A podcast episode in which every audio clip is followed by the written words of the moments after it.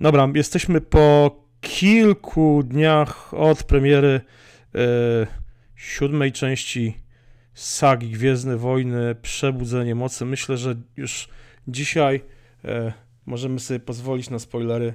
E, kto miał pójść do kina, ten już poszedł, a kto nie, to może lepiej niech nie słucha dzisiejszego odcinka, bo trudno, wydaje mi się, nie spoilerować, mówiąc o, o nowych Gwiezdnych Wojnach. E, ja bardzo się obawiałem tego, tego filmu, bo mm, to, co zrobił Lucas e, z pierwszymi trzema częściami, czyli prequelami do tej oryginalnej sagi z lat 70. i 80., czyli e, z tymi trzema częściami mm, Mroczne Widmo, Atak Klonów i Zemsta Sithów, to było po prostu tragedia. Tych filmów do dzisiaj nie mogę oglądać, oglądam je tylko ze względu na to, że mój syn je lubi, ale dla mnie to jest koszmar jakaś, jakaś w ogóle porażka straszna. E, I bardzo się obawiałem tego, że ta siódma część będzie podobna. Wiadomo było, że będą starzy aktorzy, będą starzy bohaterowie, ale obawiałem się tego, że to, że to będzie po prostu takie cukierkowe, bajkowe i komputerowe jak, jak te, te... Disneyowskie. No właśnie, dużo było takich głosów, że to, że będzie, to będzie myszka Miki, nie? że Kaczor Donald, że to będzie takie właśnie e, bajkowe mm, do bólu, jeszcze bardziej niż te trzy pierwsze, te prequele. No ale okazuje się, że sequel, sequel jest jest wyśmienity. Nie wiem jak ty, mi się bardzo podoba, jestem zachwycony tym filmem. Mhm, znaczy ja się odniosę troszeczkę do tej mm, sagi lukasowskiej sprzed 15 lat. Mhm. E, no ja byłem wtedy małym dzieciakiem i mam dosyć ciepłe nadal e, odczucia związane z tą sagą no bo gdzieś tam mi towarzyszyła w dzieciństwie wraz z całą otoczką w postaci klocków Lego. Mi tak samo. Znaczy, ja się na klocki Lego już nie załapałem. Znaczy, byłem, mhm. nie było klocków Lego Gwiezdne Wojny w czasach, jak ja się bawiłem klockami Lego, ale no dla mnie to wiesz, ja budowałem mhm. z klocków Lego, które moja mama kupowała mi w Peweksie, budowałem X-Wingi, TIE Fightery i takie rzeczy w latach 80., więc też jestem jak najbardziej wychowany i jestem fanem tej, tej starej sagi. Mhm. To znaczy, no tak jak mówię, ta saga jakby średnia teraz, tak, sprzed 15 lat, no oczywiście no nie jest najlepsza, natomiast mam jakiś taki mimo wszystko ciepły do niej stosunek ze względu na czasy w moim życiu, kiedy, kiedy się pojawiała i zabawki z tym związane. Natomiast co do, co do części siódmej, y, bardzo mi się podobała, też miałem spore obawy, szczególnie właśnie jak usłyszałem, no chyba z półtora roku temu, że Disney będzie E, no po przejęciu oczywiście praw, że, że właśnie Disney zacznie się zacznie realizować tą, tą siódmą część. Oczywiście wytwórnia Disneya, bo Disney jest zamrożony. No, tak, dokładnie. I w zasadzie bardzo, bardzo mi się podobało, jestem dosyć sensu, wyszedłem mimo taki trochę zmieszany, e, bo podobało mi się, ale nie do końca mi się podobał czarny charakter e, i nie do końca mi się podobały takie rzeczy pewne naciągane, jak na przykład mamy walkę między Kylo Renem a Rey w lesie i nagle cały raz, las się rozstępuje, żeby tą, tą walkę prze, przerwać. Ale jestem w stanie jakby w filmie mm, science fiction zaakceptować. Ale, ale wiesz, ale, ale ten, także... film, ten film, ten tutaj fabuła jest tak naprawdę drugorzędna. To jest e, ta fabuła. E, ja w podcaście Magatka rozmawiałem o tym z Michałem Masłowskim, że tutaj e, ta fabuła w tych prequelach nakręconych przez Lucasa w latach 90. i w pierwszej dekadzie, w, ubiegłej dekadzie, jest bardziej rozbudowana, bardziej pogmatwana, yy, można by powiedzieć ciekawa, ale jest taka tra tragikomiczna momentami, a ta fabuła tych starych części, tych, tych Nowej Nadziei powrotu, Imperium kontratakuje, powrotu Jedi jest jest prymitywna, prosta i jest wyjaśną kalką siebie samej i to samo dotyczy yy, przebudzenia mocy. Mamy tak, mamy znowu E, czarny charakter, który jest Sithem, który wcześniej był prawdopodobnie Jedi, e, był, był Jedi i przeszedł na ciemną stronę mocy. Spoileruję od razu, mówię, jest to wnuk Vadera, czyli e, syn Lei Hanna Solo, Kylo Ren. Mamy kolejną Gwiazdę Śmierci. Tym razem nie jest to Gwiazda Śmierci, tylko planeta, która jest to pięć razy, pięć większa, razy większa od Gwiazdy -hmm. Śmierci, no ale dalej jest to Gwiazda Śmierci. I dalej można ją rozwalić poprzez dojście do jakichś tam generatorów, czy jakichś tam kole kolektorów mocy gdzieś tam we wnętrzu. Zresztą ta scena, ta scena, gdzie właśnie ten główny reaktor, już nie pamiętam jak to się akcelerator rozwalamy. To jest jak scena z powrotu Jedi. No. Jest dokładnie kopią rozwalenia Gwiazdy Śmierci, nawet lecenie tymi tunelami. No dokładnie, takimi, no to jest, to jest kopia, kopia, kopia. Ale ma to swój urok. No właśnie, więc wiesz, mamy, mamy tak, -hmm. zaczyna się, zobacz, zaczyna się na pustynnej planecie. Jest to Jakku, nie jest to Tatooine, ale no jest ten sam klimat. E, jest e, robot, który na tą planetę e, przypadkowo spada, który zawiera w sobie tajne przesłanie. Nie jest to w tym momencie przesłanie od księżniczki Lei, tylko plany. Jest ten właśnie czarny charakter, jest zabijanie mieszkańców tej planety. Wreszcie jest odlecenie z tej pustynnej planety czym? Sokołem Millennium.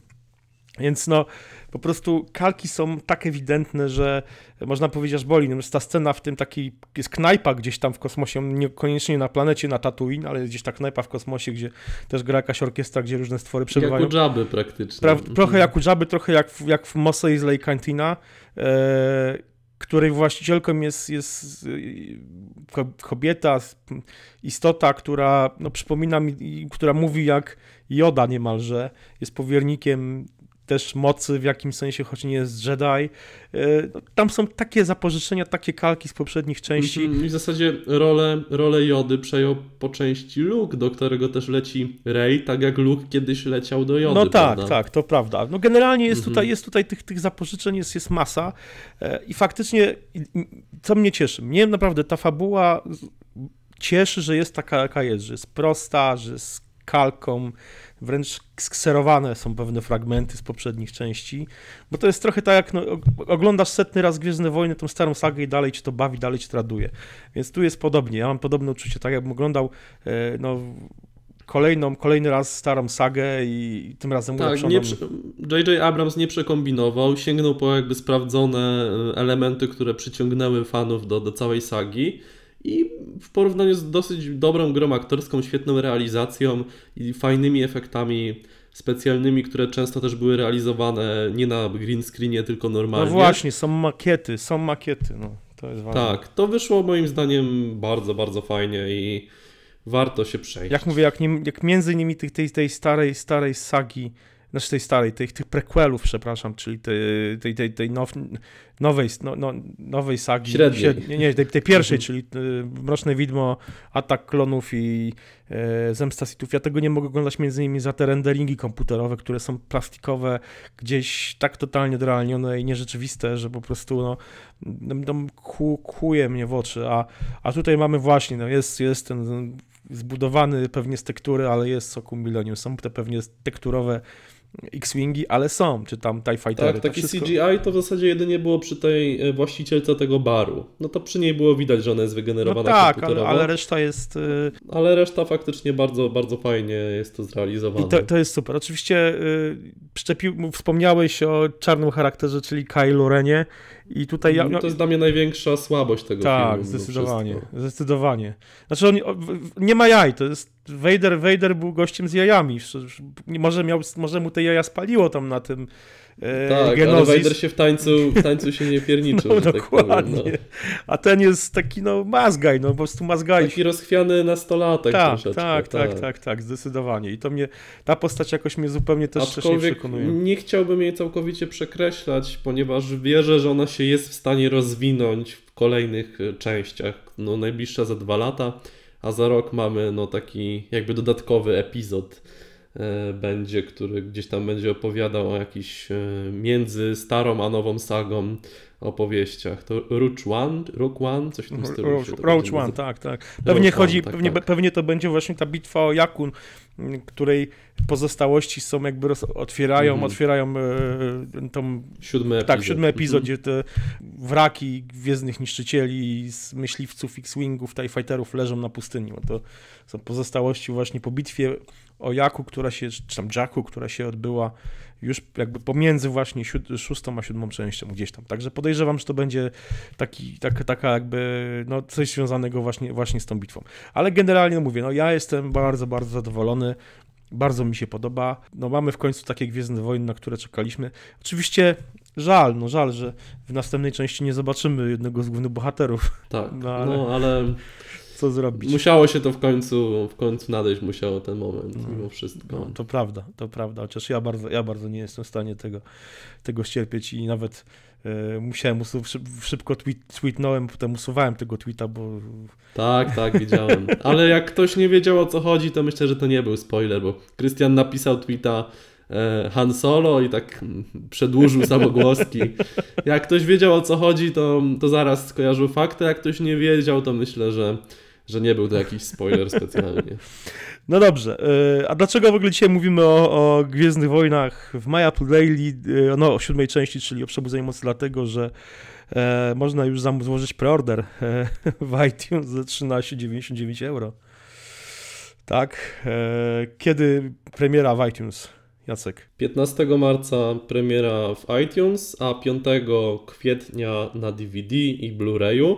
E, Natomiast będzie też można dokonać zakupu e, kompletnej sagi, czyli wszystkich części Gwiezdnych Wojen od pierwszej do siódmej w cenie 99 dolarów, jeżeli ktoś byłby zainteresowany. Ale to na, w iTunes, czy, czy na DVD, Blu- Blu-ray? E, nie, fizy, fizyczne nośniki. mhm. No ja Mhm. chyba nie jestem... Tylko jeszcze nie wiadomo kiedy na razie, wszy- ale cena już jest podana. Wszystko Mhm. inne mam, więc chyba nie jestem zainteresowany. No ale, ale czekam, czekam na premierę, bo na pewno sobie kupię. E, No i czekam na ten, na ten, na drugi, na, na, na ósmy odcinek, no i na ten, ten, no, ten, ten krótszy film, czyli Roach One, bo to mo, może być też naprawdę nie, niezły kawał kina, niezły konsert dla fanów Gwiezdnych Wojen. Tak, dla fanów przede wszystkim. Dokładnie, Mhm. zdecydowanie. Dobrze, no to y, czekamy, zobaczymy, zobaczymy, y, co, co pokaże J.J. Abrams w kolejnej, kolejnych częściach. Trzymajcie się, na razie. A właśnie, no i oczywiście czekamy na wasze komentarze, co Tak, dajcie myślicie. znać, jak Wam się podobało i czego oczekujecie od kolejnych części. I na razie do usłyszenia Cześć. już jutro. Hej. Trzymajcie się.